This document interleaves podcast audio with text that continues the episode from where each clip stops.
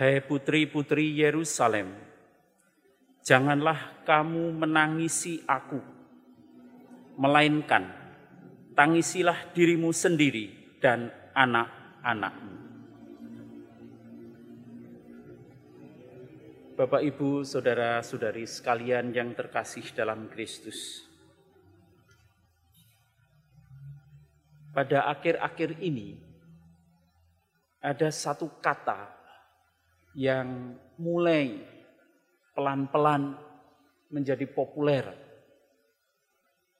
Masih dalam bahasa Inggris, ialah distraksi. Sudah di Indonesia kan begitu. Yang artinya adalah sebuah proses proses meleset, menyimpang dari tujuan utamanya pelan atau cepat tetapi itu bergerak terus sampai orang yang bersangkutan merasa seperti berjalan di tempat yang benar, padahal keliru. Itu yang disebut dengan distraksi. Memang kata ini belum menjadi populer di kalangan orang muda, karena mungkin belum ada yang posting di Instagram atau di reels gitu ya sehingga belum populer di kalangan orang muda. Tetapi ini menjadi populer dalam membantu orang untuk merefleksikan proses-proses dan khususnya dalam kalangan bisnis ini sudah mulai muncul. Meleset dari tujuan.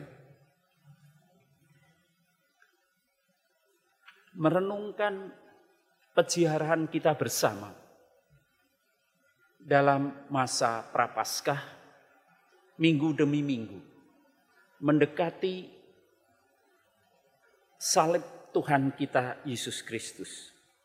Pada hari ini kita rayakan, kita bersama-sama berziarah bersama dengan banyak orang untuk berjalan bersama Yesus masuk ke Yerusalem. Gegap gempinta dengan daun-daun palma, dengan kain-kain yang ditebar di jalan-jalan agar dilalui oleh Yesus. Adalah sebuah potret spontan kegembiraan orang.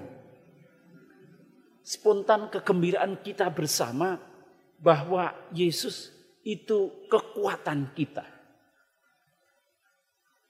Tetapi proses itu kalau tidak hati-hati juga disertai dengan langkah demi langkah, sedikit demi sedikit proses distraksi tadi, meleset.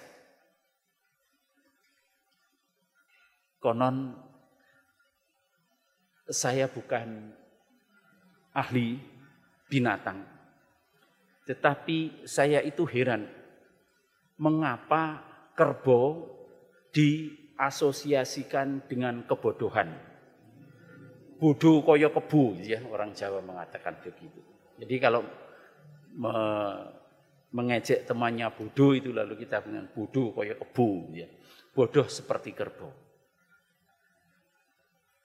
Sementara dengan keledai itu diasosiasikan dengan dungu sebuah tingkat kebodohan yang lain yang agak rasional tetapi akhirnya tidak rasional dan kacau. Jadi dungu. Saya tidak tahu mengapa keledai diasosiasikan dengan dungu. Nanti kalau Bapak Ibu ada yang tahu sesudah misa boleh memberitahu kepada saya. Ini kenapa sejarahnya begitu. Tapi baik. Konon tanya, setelah perarakan menuju Yerusalem dengan daun palma yang meriah tadi, keledai yang ditunggangi oleh Yesus itu bertemu dengan keledai-keledai temannya. Lalu teman-temannya itu ada yang mengucapkan selamat wahai profisiat ya kamu menjadi keledai favorit Tuhan. Ada yang mengatakan ada yang bertanya, kok kamu tadi dalam perjalanan itu kok cengingas-cengingis? Bahasa Indonesianya apa? Cengingas-cengingis itu ya. Itu tersenyum-senyum agak agak gimana agak uh, apa ya? Ya sudah saya tidak tahu persis. Cengingas-cengingis gitu ya. Kenapa? Lalu keledai yang ditumpangi Yesus itu menjawab, kamu nggak tahu ya? Saya mengalami pengalaman yang maha hebat dalam hidup saya. Saya itu seperti sedang memanggul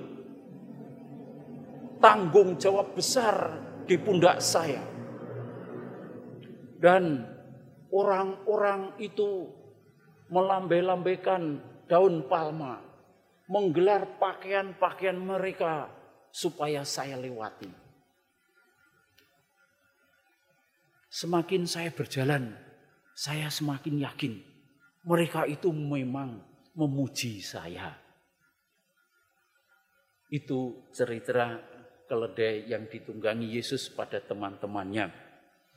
Dan mereka lalu mereka oh begitu. Bapak Ibu, saudara-saudari sekalian. Proses distraksi biasanya diawali dengan salah mengerti atau salah tafsir. Dan itulah potret kedunguan, bodoh, meleset. Seperti keledai ini menafsirkan dirinya sebagai makhluk yang sedang membawa tanggung jawab besar yang adalah Yesus di pundaknya dan ia dielulukan oleh begitu ribuan orang yang mengantarnya ke Yerusalem. Dia mengira orang-orang itu sedang menyambut dia. Salah mengerti, dungu, dan akhirnya meleset. Bisa juga terjadi pada kita dalam peziarahan-peziarahan kita bahkan yang suci-suci sekalipun. Ketika kita ingin berjalan semakin dekat mengikuti Yesus dan berjalan bersama Yesus. Izinkan saya menyampaikan ini sebagai bahan renungan dan bahan refleksi bagi kita bersama. Dalam banyak gereja paroki, dalam banyak kegiatan-kegiatan Katolik, lembaga-lembaga. Kita biasanya memulai dengan sebuah niat pengabdian. Aku ingin mengabdi pada Tuhan lewat kegiatan-kegiatan gereja. Awalnya indah, semangat. Tetapi dalam proses-proses perjalanan mulai terjadi distraksi, mulai terjadi meleset, karena pemahaman-pemahaman yang keliru dan mulai memusatkan perhatian bukan kepada yang dilayani tetapi memusatkan perhatian pada dirinya sendiri. Sering terjadi dalam sebuah kelompok orang mengatakan kelompok ini tidak akan jalan kalau saya tidak ada di situ. Sayalah yang membuat kelompok itu menjadi besar. Gereja ini tidak bisa jalan kalau romonya bukan saya. Dewan paroki tidak bisa jalan kalau itu bukan saya dan teman-teman saya. Tim pelayanan ini akan gagal, akan lambat, akan amburadul kalau bukan saya dan teman-teman saya. Ini sangat sering terjadi dalam kelompok-kelompok pelayanan-pelayanan di mana pun di dalam gereja-gereja kita. Mengapa terjadi? Mulainya adalah sebuah proses penafsiran yang keliru dan memang distraksi itu berjalan pelan-pelan tetapi akhirnya membelokkan. Maka pada hari ini marilah kita sadari apa apakah dalam pelayanan-pelayanan kita, apakah dalam hidup kita sebagai orang beriman, dalam pejiaran kita mengikuti Tuhan kita Yesus Kristus, kita sudah meleset atau kita dalam berjalan di jalur yang benar.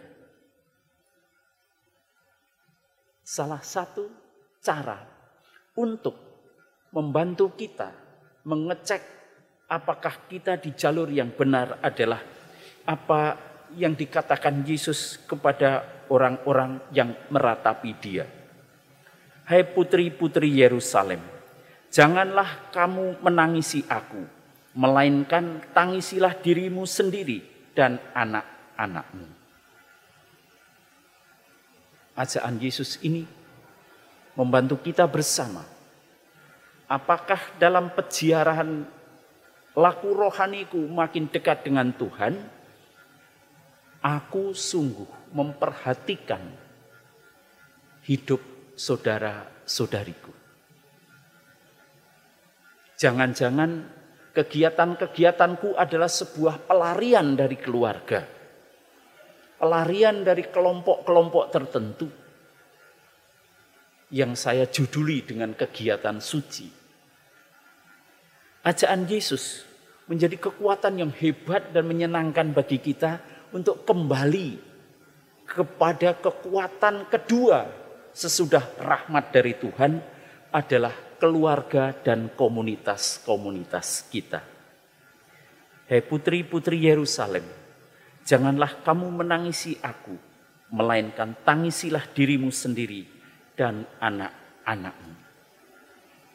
Mari kita terus saling mendoakan dan saling membantu agar kita bersama-sama bisa sampai di kaki salib Tuhan. Amin.